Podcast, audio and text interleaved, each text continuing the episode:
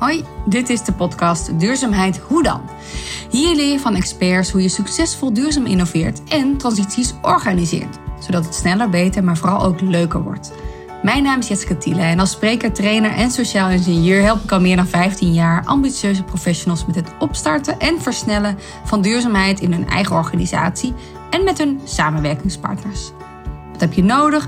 Waar moet je rekening mee houden en hoe doe je dat? In deze podcast ontdek je welke zes verandertypes er zijn en waarom het zo belangrijk is dat jij de jouwe kent. Waarom het indirecte effect van jouw handelen groter is dan het directe effect. En wat Jan, Jan Rotmans, heeft geleerd van zijn eigen handelen, positief en negatief. Ook ontdek je waarom er meer dan ooit behoefte is aan een wenkend perspectief. En waarom we niet moeten vergeten hoeveel er eigenlijk al is gebeurd de afgelopen 30 jaar. Maar ja, dat er ook nog genoeg te doen is en dat het soms ook voelt als chaos. Laten we die dan maar omarmen.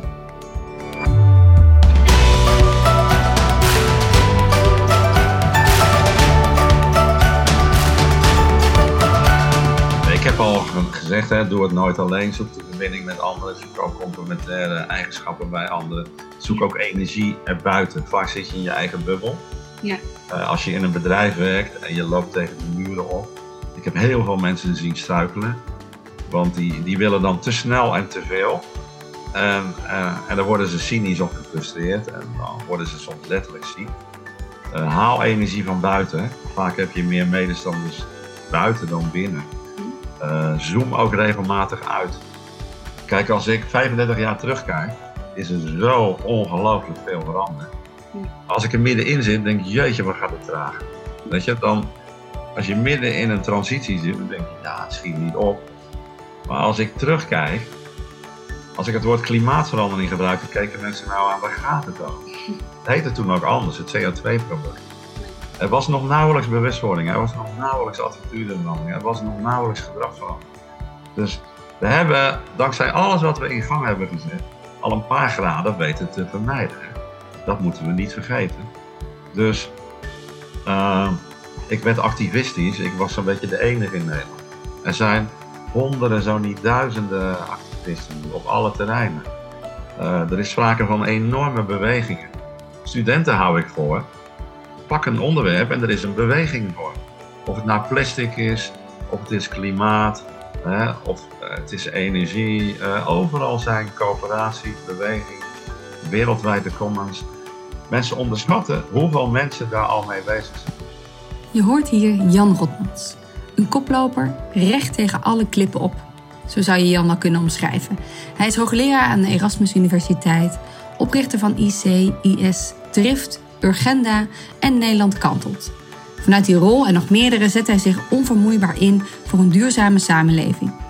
Inmiddels heeft hij meer dan 300 publicaties over klimaatverandering, klimaatmodellen en duurzame transities op zijn naam staan. Een aantal publicaties gaan soms al ver terug tot in de jaren 90. Toen bijna niemand het had over klimaatverandering. Toen heette het nog CO2-probleem. En velen wuifden het probleem weg. Zo'n koplopersrol past Jan wel. En ook een activistische inslag is hem niet vreemd. Verhitte discussies, eenzaam gepieker en smijten met deuren. Jan heeft het allemaal ervaren. Uiteindelijk blijft zijn boodschap hoopvol. Want er zijn altijd medestanders met wie je samen in beweging kunt komen. Die universele kracht van al die mensen die samen aan een betere wereld werken, zoals bijvoorbeeld de Gideons Transition Tribe, die de bouwsector op positieve manier verandert, zodat ze bijdraagt aan een duurzame, gezonde, fijne en mooie leefomgeving, nu en in de toekomst. Daar ligt volgens Jan de sleutel. Jan heeft mij in het begin van mijn carrière geleerd dat samenwerken de kern is. En het niet per se over kennis gaat, als wel over kennissen. Het is wonderlijk hoe je elkaar kan vinden op inhoudelijk vlak, maar totaal uit verschillende organisaties, maar je toch zo meer voor elkaar krijgt. Jan en ik zijn elkaar blijven volgen en ik vind het dan ontzettend leuk en fantastisch dat hij aanbood om gast te zijn in deze podcast. Wat een eer. Veel plezier met het gesprek en ik ben erg benieuwd naar wat jou raakt, je herkenning in vindt of een nieuw inzicht opdoet. Ik moedig jou als veranderaar, changemaker, verschilmaker ook zeker aan zijn liedje apart nog eens te luisteren op een rustig moment. Maar voor nu, veel luisterplezier.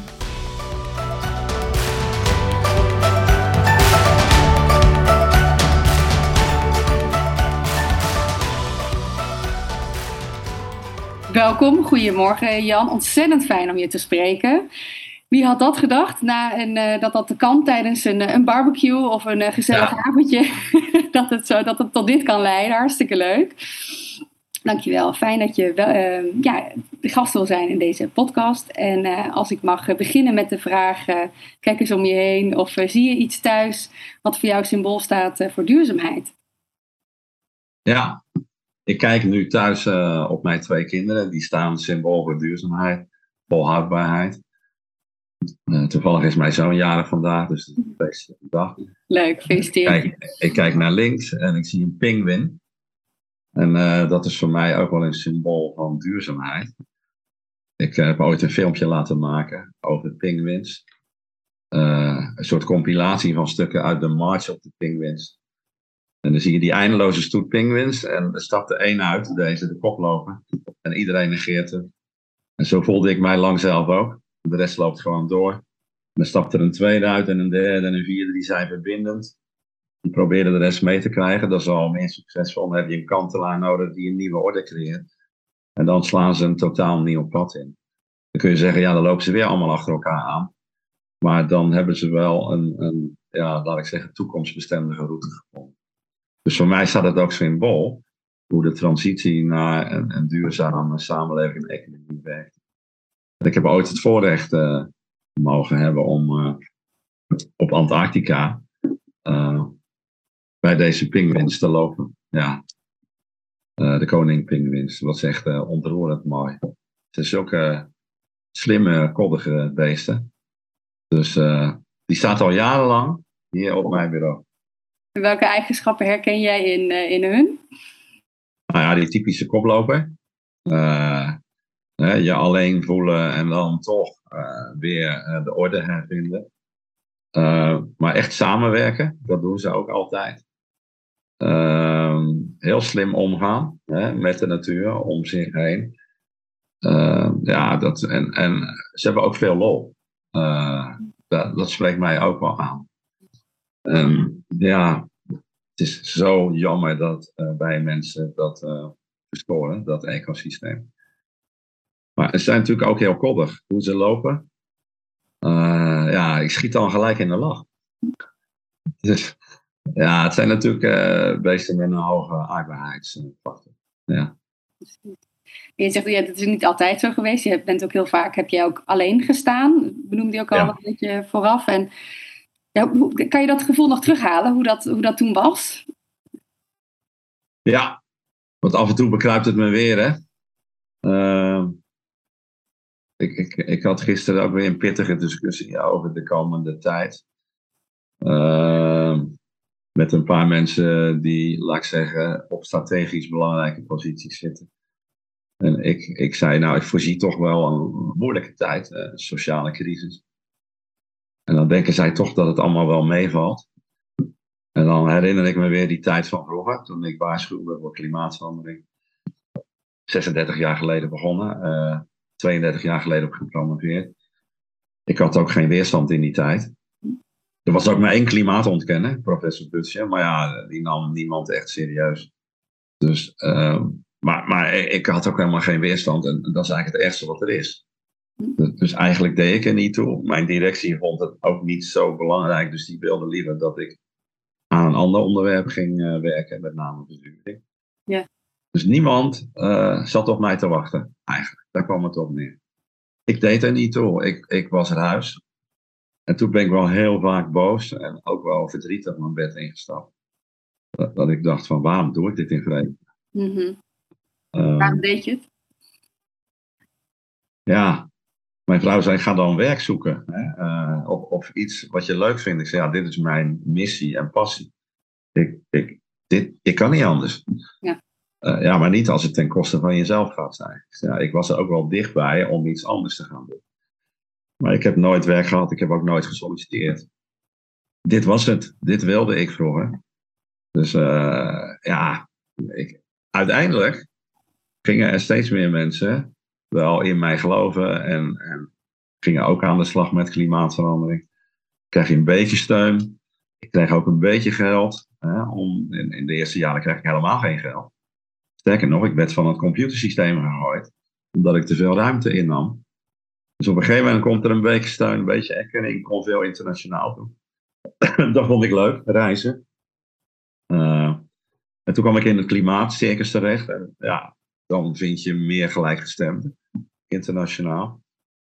En toen op een gegeven moment was het wel een kantelpunt. Toen ik met transitie begon. Nou ja, toen kreeg ik weer hetzelfde. Want ja, toen, toen stond er groot in de krant: transities zijn een hype.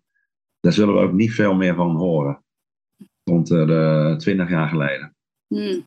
Uh, en toen werd ik wel boos. Zeker de milieubeweging was wel tegen.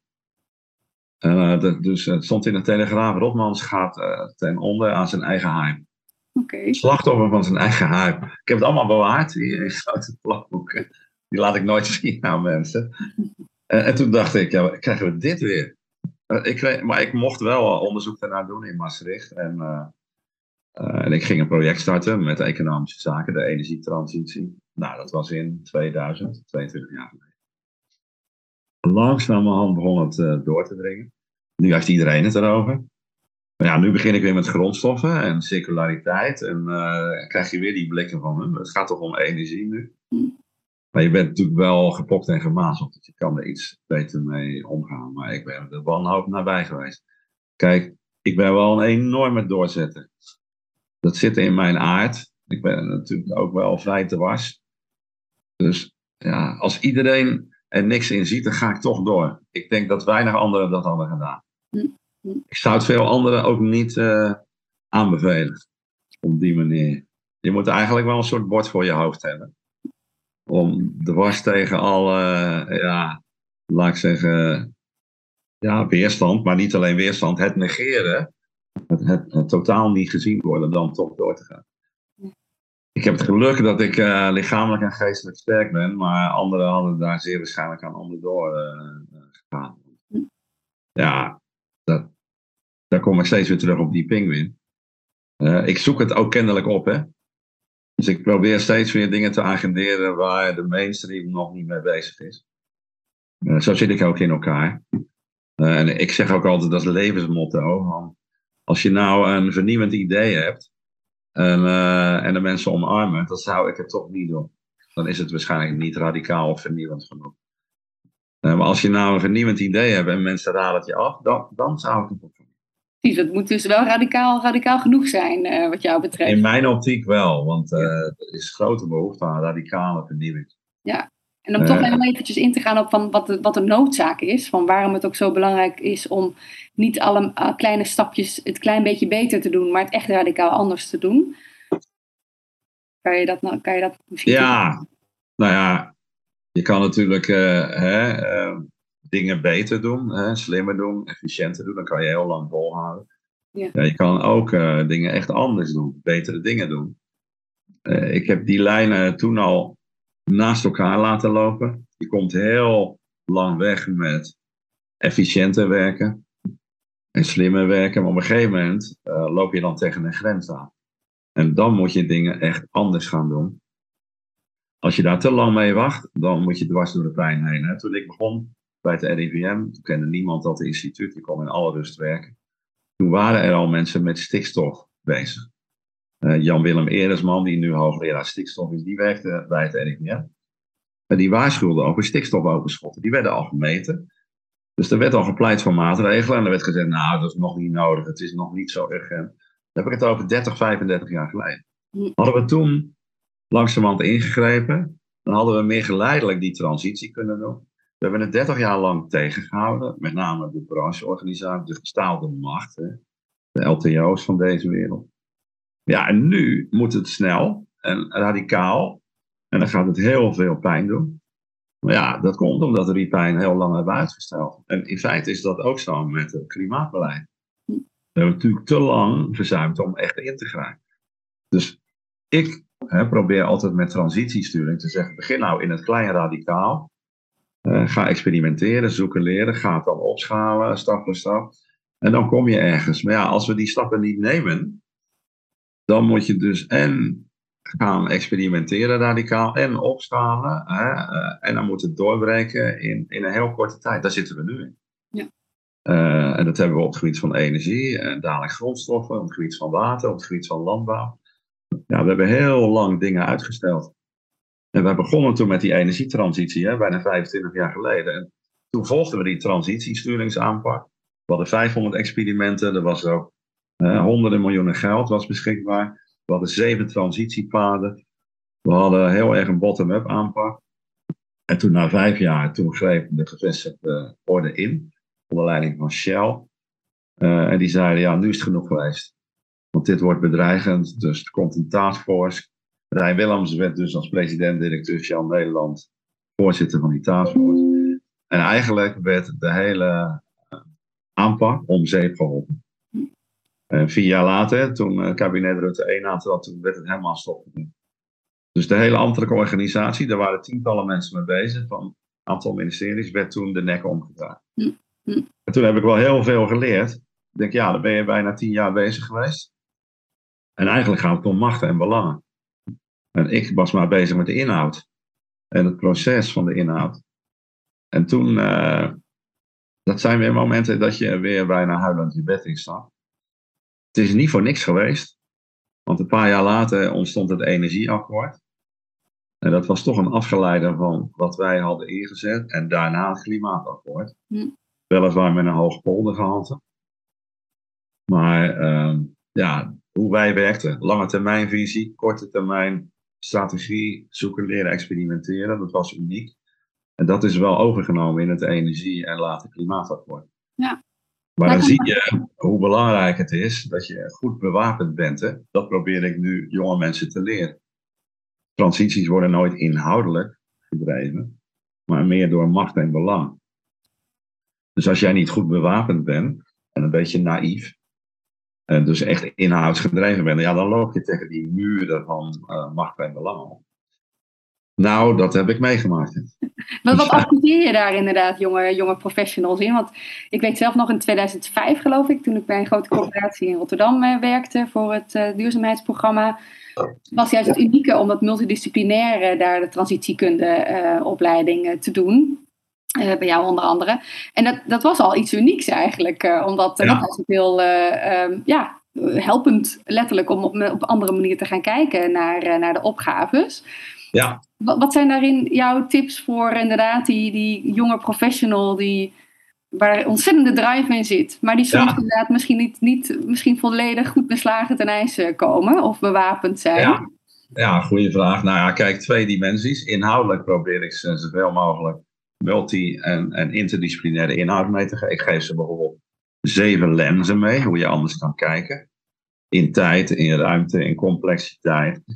Uh, dat helpt. Als je anders gaat kijken, ja. dan ga je op den duur ook anders handelen. Daar zit nog wel iets tussen, anders voelen. Dus de, dat probeer ik ook mensen bij te brengen. Dat het niet alleen hier moet zitten, maar ook van je hoofd naar je hart en dan je handen. Dat, dat is hè, inhoud, proces. Maar dan probeer ik ook ze reflectie mee te geven en reflexiviteit. Dus ik start tegenwoordig met wat voor type veranderaar ben je eigenlijk? Ja, daar hebben ze nog niet over nagedacht. Ze willen het gewoon anders. Ja, maar wat voor type veranderaar ben je? Ja. En dan heb ik tegenwoordig zes typen. Ben je een koploper, ben je een verbinder, ben je een kantelaar, ben je een bouwer, ben je een sloper of ben je een volger? Nou, dat zet mensen aan het denken. Dan zeggen ze, nou, gisteren had ik ook weer zo'n bijeenkomst. En zei iemand, nou, dat heb ik nou nog nooit, die vraag heeft nou nog nooit iemand mij gesteld.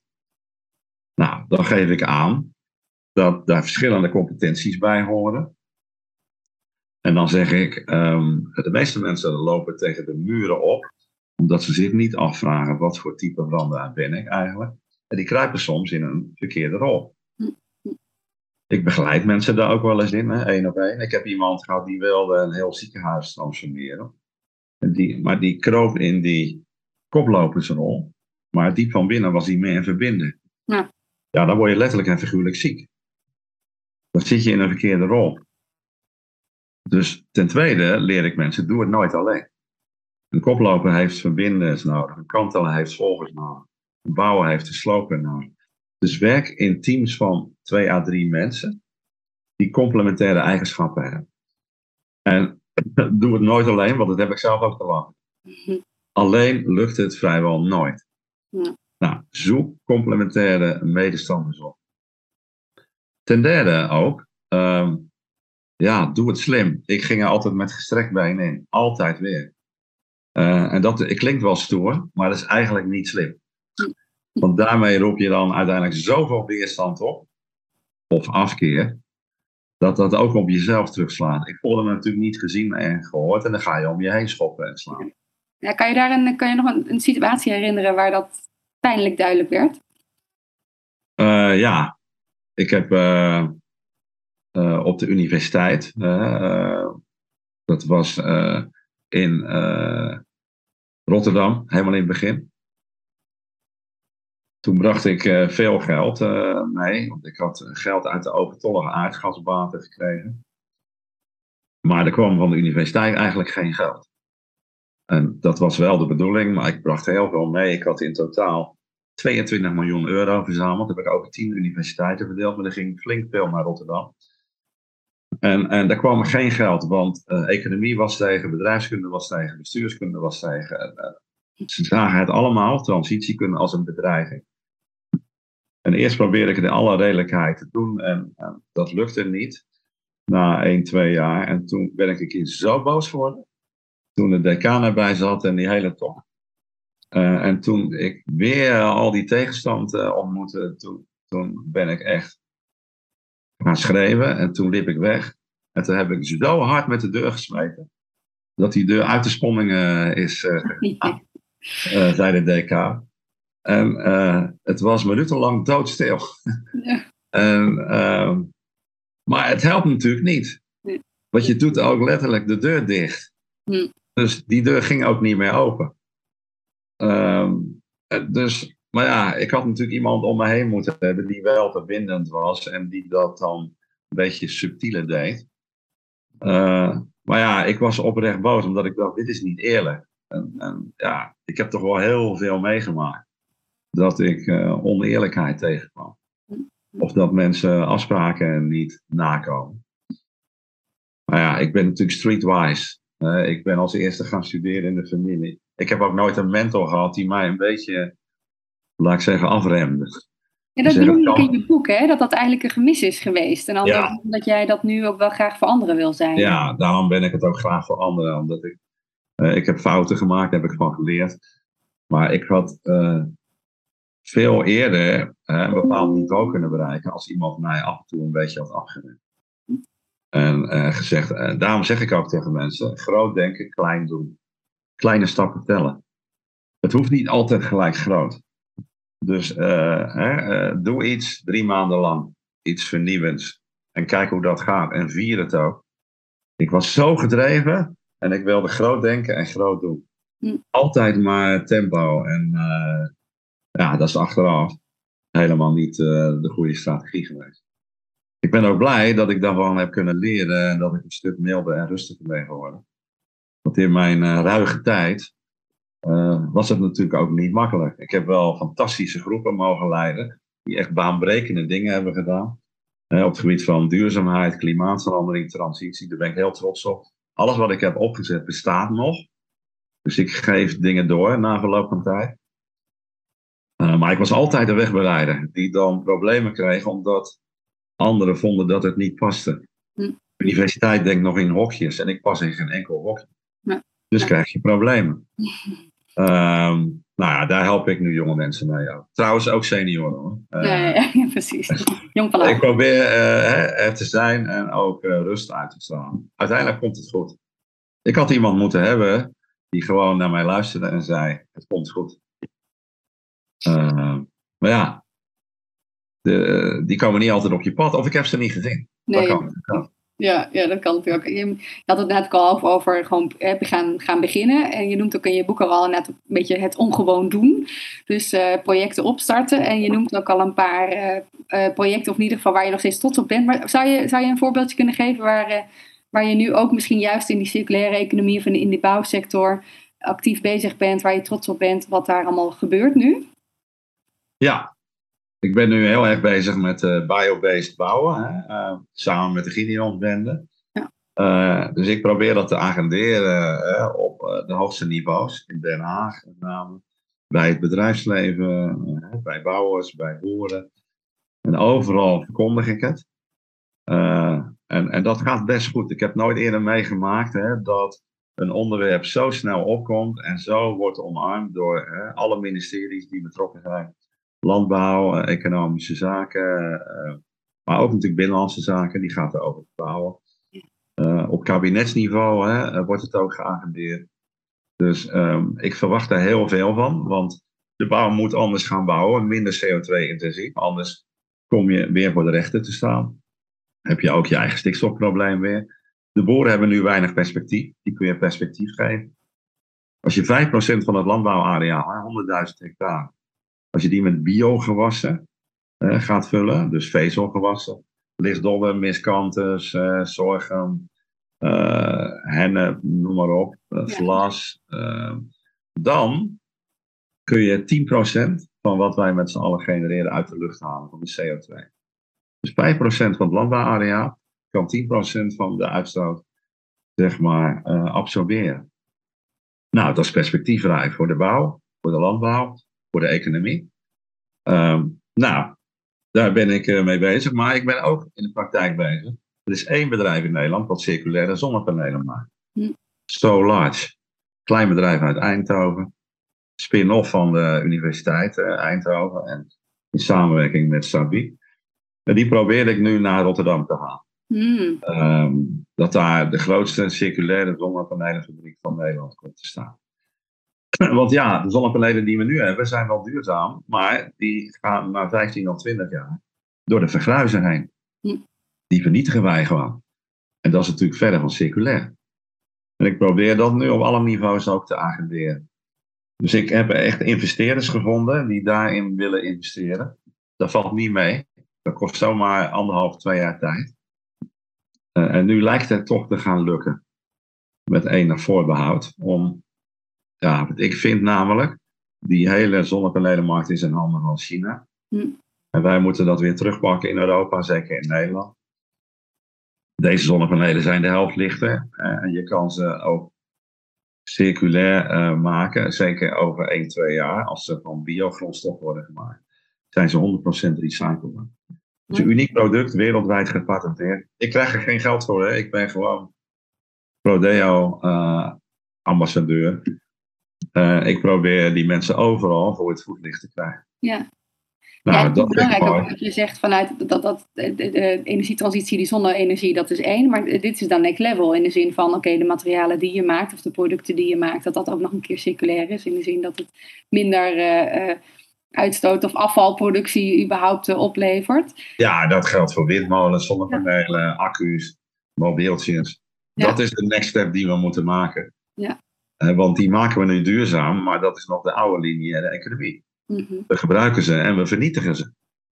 Ja, er komen de komende 10 jaar 40 miljoen gebruikte zonnepanelen op de markt. En die gaan we vervangen door efficiëntere. Ja. Dan krijg je een enorme afvalberg van zonnepanelen, van windmolens, van accu's. Ja, dat was natuurlijk niet de bedoeling. Nee, nee. Daar heb ik al, toen ze werden ontwikkeld, voor gewaarschuwd. Maar ja, toen waren we blij dat ze er waren. Dan kan je die verduurzamingsstap zetten. Ja. Nu moeten we de circulaire stap zetten. Nou, dan krijg je wel een beetje dat eenzame gevoel. Want dan Weet je wel, dan gelukkig zijn er steeds meer mensen mee bezig. Ik heb nu ook een initiatief ontwikkeld, Team Next, met 25 ondernemers uit het MKB. Om te zeggen, wij willen impact creëren in de regio Rotterdam en daarna ook andere regio's.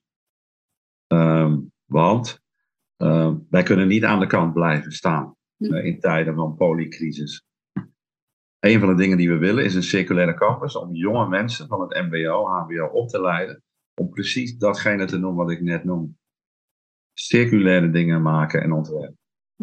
Dus die gaan dan in het klein hè, op die campus oefenen met circulaire zonnepanelen, circulair watergebruik, circulaire uh, onderdelen van windmolens, nou, noem maar op, bouwen op water. Nou, dat, dat, daar kijk ik wel naar uit. Dan komen we weer terug naar uh, dat eigenlijk 20 jaar geleden, dat ook in Rotterdam, hè, dat is ook een drijvende woning ook uh, mee ontwikkeld. Uiteindelijk een, drijf, een, een, drijvende farm, of in ieder geval uh, die boerderij, die, die boer Ja, we hebben nu drijvende woningen, we hebben een boerderij, dat was ik gisteren nog toevallig. Ja. die wordt ook uitgebreid hè, met een drijvende boerderij, maar dan met groenten. Ja. Um, we hebben inmiddels een drijvend kantoorgebouw van de VN.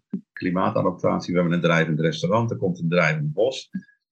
Zo heel langzaam zijpelt dat door. Ja.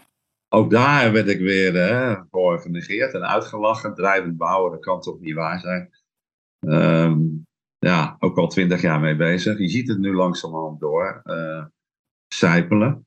Ehm, in Zuid-Korea gaan ze nu de drijvende stad realiseren. De eerste ter wereld.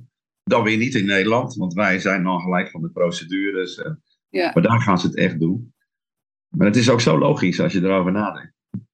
Uh, want ja, als, als het water stijgt hè, en, en, en, de verzilting dringt ook steeds meer door, kan je beter met het water gaan ontwikkelen. Ja. Het is zo logisch als wat.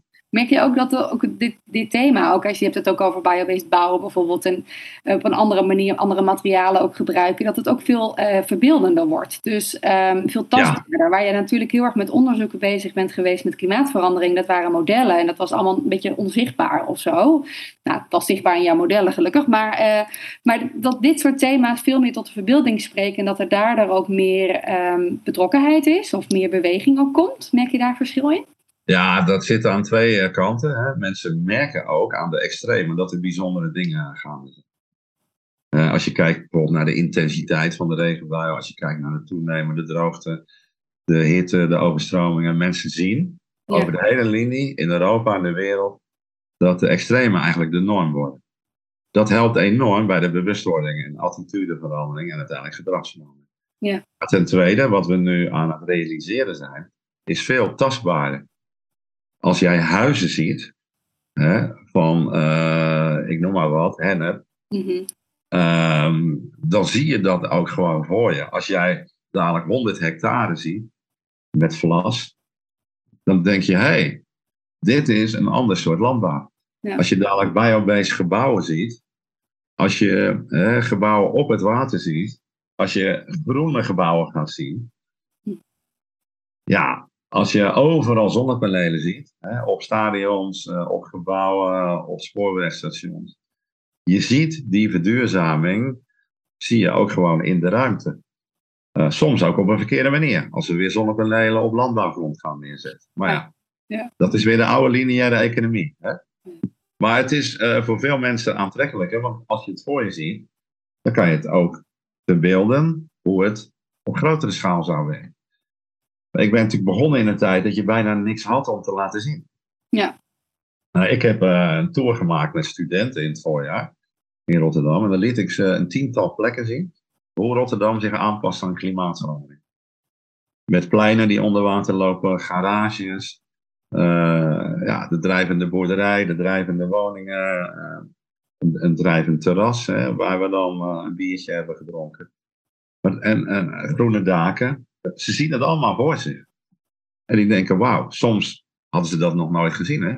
Zeiden ze, wauw, dit wisten we helemaal niet. Ja.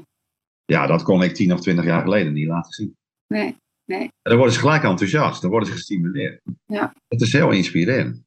Maar ik, wilde al vragen inderdaad, want veel, uh, ik nog even luisteraars van deze podcast zijn, zijn al zelf heel erg bezig met duurzaamheid. Dus die, die, die snappen de noodzaak, die zijn bezig met die transities, ze zijn soms heel eenzaam. Uh, ook heel erg uh, zoekende, of, of uh, ook, ook heel succesvol, ga ik vanuit. Ja. Maar inderdaad, dus ik wilde ook een beetje vragen van, goh, naar wat voor soort, ik noem maar even, interventies of wat voor soort manieren kan je inderdaad gebruiken om ook zo'n bijeenkomst bevorderend te, te laten zijn. Nou, eentje, je noemt al de excursie, hè? op pad, ga, ga erop uit, neem mensen mee. Zijn er nog meer van dat soort, ik noem maar even, manieren die jij hebt ervaren, wat, wat goed werkt om om daarmee de verbinder te zijn en die grote massa ook mee te krijgen? Ja, ik heb al gezegd, hè, doe het nooit alleen. Zoek de verbinding met anderen. Zoek ook complementaire eigenschappen bij anderen. Zoek Ja. ook energie erbuiten. Vaak zit je in je eigen bubbel. Ja. Eh, als je in een bedrijf werkt en je loopt tegen de muren op. Ik heb heel veel mensen zien struikelen. Want die, die willen dan te snel en te veel. En, eh, en dan worden ze cynisch of gefrustreerd. En dan worden ze soms letterlijk ziek. Eh, haal energie van buiten. hè. Vaak heb je meer medestanders buiten dan binnen. Hm. Eh, zoom ook regelmatig uit. Kijk, als ik 35 jaar terugkijk, is er zo ongelooflijk veel veranderd. Ja. Als ik er middenin zit, denk ik, jeetje, wat gaat het traag. Weet je, dan, als je midden in een transitie zit, dan denk je, ja, het schiet niet op. Maar als ik terugkijk, als ik het woord klimaatverandering gebruikte, keken mensen nou aan, waar gaat het over? Het heette toen ook anders, het CO2-probleem. Nee. Er was nog nauwelijks bewustwording, er was nog nauwelijks attitudeverandering, er was nog nauwelijks gedragsverandering. Dus we hebben, dankzij alles wat we in gang hebben gezet, al een paar graden weten te vermijden. Hè? Dat moeten we niet vergeten.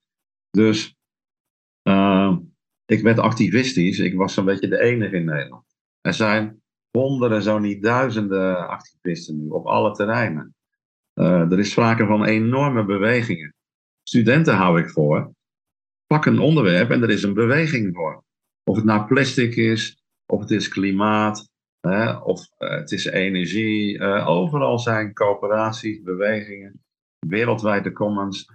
Mensen onderschatten hoeveel mensen daar al mee bezig zijn. Ja. Ja, je noemt het ook in je boek, geloof ik, hè, als een soort bijvangst van uh, bijvoorbeeld de Ocean Cleanup. Van goh, het feit dat hij wat hij aan het doen is, aan zich al oké is. Hè, maar wat er nog meer eigenlijk, wat voor een effect dat nog meer heeft, hoeveel uh, dat met zich meebrengt. Ja, dat is een snelst groeiende beweging hè, ter wereld. Dat spreekt ontzettend veel jongeren aan. Je kan natuurlijk hè, van alles uh, aanmerken op hoe hij dat doet, mm -hmm. qua techniek. En of het wel helemaal het beste is hè, voor de ecosysteem. Maar je bent natuurlijk wel een held als je daarmee begint en kans ziet om, en dat was niet eens het doel van Bojanslag, maar het indirecte effect van je handel is vaak groter dan het directe effect. Ja. Dat betekent dat die wereldwijde ontwikkeling, dat is eigenlijk het belangrijkste. Want het zet enorme druk op het systeem. En het was ook zo met Urgenda.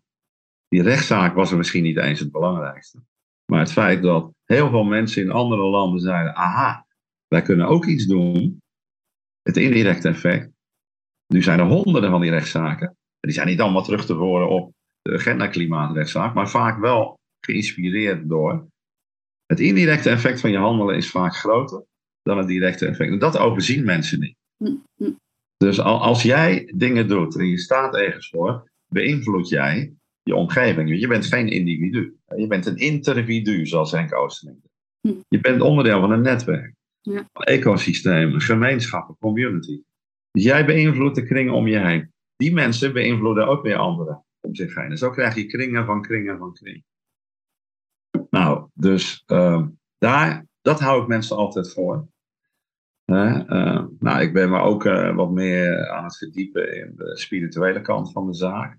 Uh, ja, ontwikkeling in, in bewustzijn. Mooi. We zitten nu uh, ja, toch in het stadium van integrale bewustwording. Hè?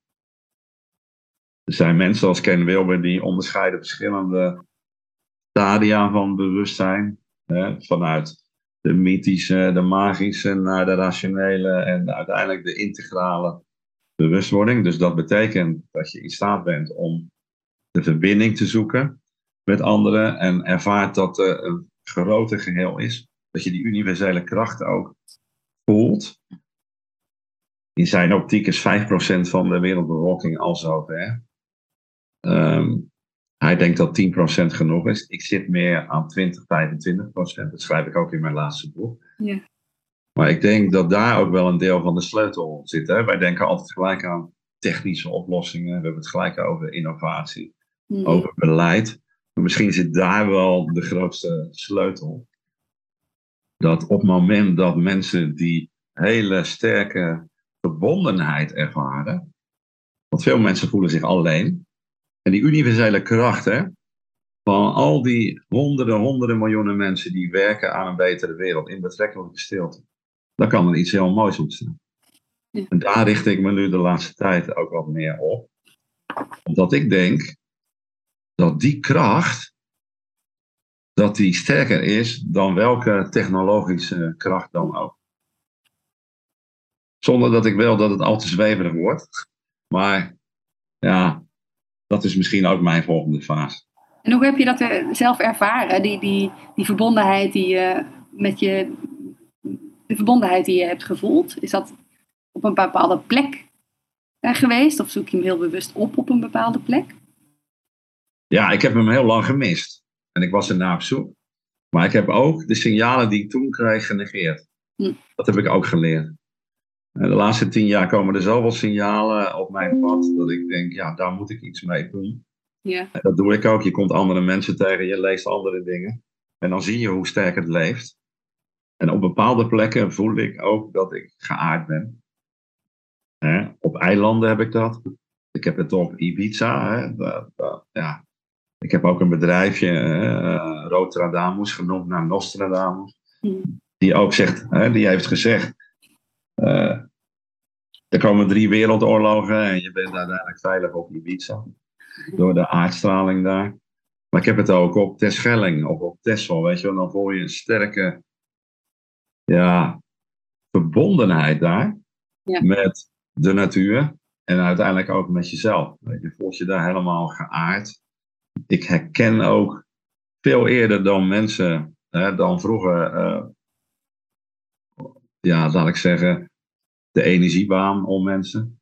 Um, yeah, je ziet ook eerder hè, of ze openstaan, of ze wakker zijn. Dat heb ik allemaal genegeerd vroeger. Ik stond er zelf ook niet voor open. Ja. Waarschijnlijk.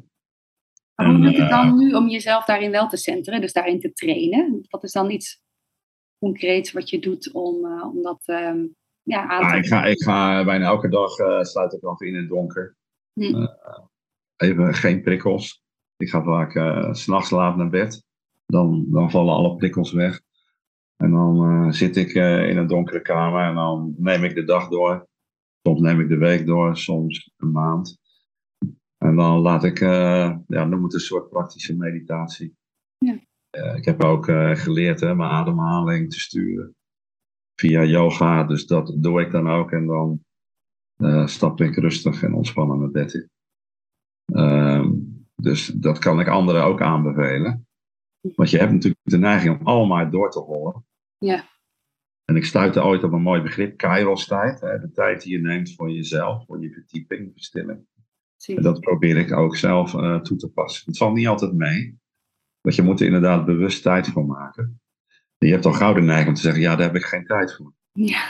Als je daar geen tijd voor neemt, Ja. ja. gezien de chronostijd, neem je jezelf eigenlijk niet helemaal serieus. Ja. Dan, dan ga je niet hè, serieus met je eigen geest en lichaam. Uh, en als je jezelf wel serieus neemt, dan creëer je daar tijd voor. Het kan vijf minuten zijn op een dag. Het kan een half uur zijn. Uh, maar ja, ik ken steeds meer mensen die dat ook doen. Ja. En uh, ja, ik, ik ging laatst hè, naar een, een voorstelling. Um, ja, ik zal de naam niet noemen, maar ik ging naar iemand kijken met mijn dochter, die uh, ook bezig is met meditatie en uh, spiritualiteit. Maar misschien een beetje te veel in een commerciële vorm. Maar er zaten bijna 2000 mensen in, dus heel veel jongeren. Twintigers, dertigers, veertigers. En daar leer ik toch veel van. Er zijn heel veel mensen op zoek. Ja. Heel veel mensen op zoek. Uh, die ervaren leegte. Die zijn op zoek naar zingeving. Uh, ik heb laatst ook geleerd, er is een groot verschil tussen geluk en zingeving. Je kan heel gelukkig zijn bijvoorbeeld met de materie om je heen. Maar weinig zingeving hebben. Blijkt uit allerlei onderzoek dat mensen die zinnig bezig zijn, vanuit een bepaalde zingeving, eigenlijk dat geluk wel vinden. Andersom niet. Mensen die gelukkig zijn, vinden lang niet altijd hè, zingeving. Waardoor het toch knaagt. Nou, en ik probeer mensen hè, ertoe te bewegen om toch ja, hun hoofd en hart te volgen om zo zinnig mogelijk bezig te zijn vanuit zingeving. Um, en ik merk dus, ik schrok ook wel, dat er zo'n grote groep, dat moeten in Nederland al een paar miljoen mensen zijn, op zoek zijn naar die zingeving. He, die hebben vaak de religieuze waarden verloren. Hm. Uh, en die zijn op zoek naar nieuwe waarden. Die willen zich opnieuw laden. En dat is wel mooi, dat tekent ook wel de tijd van chaos. Ja. Dat zoveel mensen op zoek zijn. Naar zichzelf, naar zingeving, naar meer balans. Ja, als ik daar een klein steentje aan kan bijdragen, dan, dan doe ik dat graag. Uh, het gaat er voor mij niet om of het lukt, maar het gaat er mij uh, om dat ik er alles aan gedaan heb. Dankjewel Jan, want, want dat doe je. Dat wil ik je hierbij ook even teruggeven. Sowieso voor mij, maar ook heel praktisch. Bijvoorbeeld voor mijn zusje, die tijdens een van de bijeenkomsten die ik erbij had gehaald. En jij vertelde daarover wat er allemaal zo al gebeurde. En zij als student milieukunde had eigenlijk vanuit de studie heel veel negatieve verhalen gehoord. Wat er allemaal mis is met onze leefomgeving. En die, uh, nou, die raakte er echt een beetje verdrietig van. En door jou, uh, de inspiratie daardoor, kreeg ze weer hoop van wat er allemaal wel mogelijk is. En dat er veel meer zijn die daarmee bezig is. Dus dat is er één voorbeeld daarvan, maar er zijn er vast. Ja, dankjewel. Ik krijg gelukkig heel veel mooie respons van mensen. Ja. Um, en, en dat, daardoor voel ik ook die verbondenheid hè? en die universele kracht. Ik krijg soms groepen studenten die helemaal vastzitten. Uh, en die hebben dan boeken moeten lezen uh, van mensen die zeggen: Het is al te laat, geef het maar op. Uh, we gaan op weg naar 6 graden. En die krijg ik dan voor me en dan schrik ik. En dan zeg ik: Er is nog nooit een transitie gerealiseerd vanuit cynisme of pessimisme. Nog nooit. Ja. Maar dan ben ik echt een tijd bezig om dat weer te proberen om te bouwen. Dus uh, uh, wij maken het jonge mensen ook wel heel lastig. Hè? Door te wijzen op wat er allemaal niet kan en niet gaat en hoe slecht het gaat. Maar meer dan ooit is er behoefte aan een wenkend perspectief. Vanuit optimisme. Hè, weliswaar realistisch, maar we moeten laten zien wat wel kan. En dan kan het heel snel gaan. Dus uh, dank voor de, wat je teruggeeft. Ehm, ja, ehm, dit is het wel, hè? Ik gun iedereen ook een missie en een passie. Ja, fijn, dankjewel. Ja, en ik weet dat jij die ook hebt. Dus uh, dat delen we. Ja. En zo komen we al struikelend verder. dat zeg je mooi. Uiteindelijk gaat het lukken. Al struikelend. We struikelen lekker letterlijk door, inderdaad. Ja. Uh, dat, dat, dat, dat, doen we goed, sowieso. Uh, maar inderdaad wel de goede kant op in ieder geval. En uh, Jan, om daarmee af te ronden, want jouw tijd is, onze ieders tijd is schaars en heel waardevol. Uh, maar ik vind het heel leuk om jou te vragen welk lied eventueel voor jou symbool staat voor duurzaamheid. Of waar jij je soms heerlijk in zou kunnen verliezen of wat je graag mee wil geven. Ja, ik ken een schitterend lied van een jonge Nederlandse zangeres. Die haar eigen nummer schrijft. Hè, Jana Mila. When times get rough. Hmm. Nou, toepasselijke kan het denk ik niet. Uh, the times are rough. Zoals Bob Dylan ooit schreef, the times they are changing. Dat zien we nu weer. We zijn onderdeel van een revolutie, een omwenteling. En eigenlijk uh, zijn we bevoorrecht. Hoeveel generaties kunnen nou zeggen, wij zijn onderdeel van een revolutie geweest. En dat maakt het lastig en moeilijk. Heel veel mensen komen in de problemen. Maar we hebben alles in huis om daar beter uit te komen. We hebben de kennis, het geld, de instituties, en ik voel diep van binnen dat we er ook beter uitgaan. Dus dit is een prachtig toepasselijk nummer. Fijn, dankjewel. Gaan we daar naar luisteren.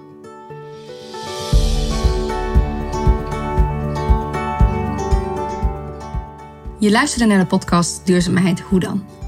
Wil je meer weten over Jan Rotmans en zijn boek Omarm de chaos? Zie dan de linkjes in de show notes of op www.jetsketiele.nl slash podcast. Ik vroeg mezelf ook wel af na het gesprek of mijn rol als veranderaar ook niet is veranderd in de loop der tijd. En misschien maar goed ook. Helderheid daarover maakt dat je de juiste mensen om je heen verzamelt en daarmee met minder moeite wellicht wel meer voor elkaar krijgt. Ook ik ben When Times Get Rough gaan luisteren van Jana Mila. Heel fijn nummer om te kunnen landen en troost uit te halen. Want chaos en verandering is niet altijd makkelijk. Ik ben benieuwd hoe jij het ervaart.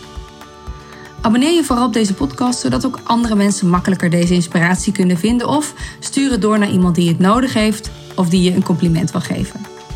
Wat neem je mee uit het gesprek? Ik ben benieuwd en stuur me dan een berichtje via Instagram of LinkedIn. Altijd heel erg leuk. Dankjewel.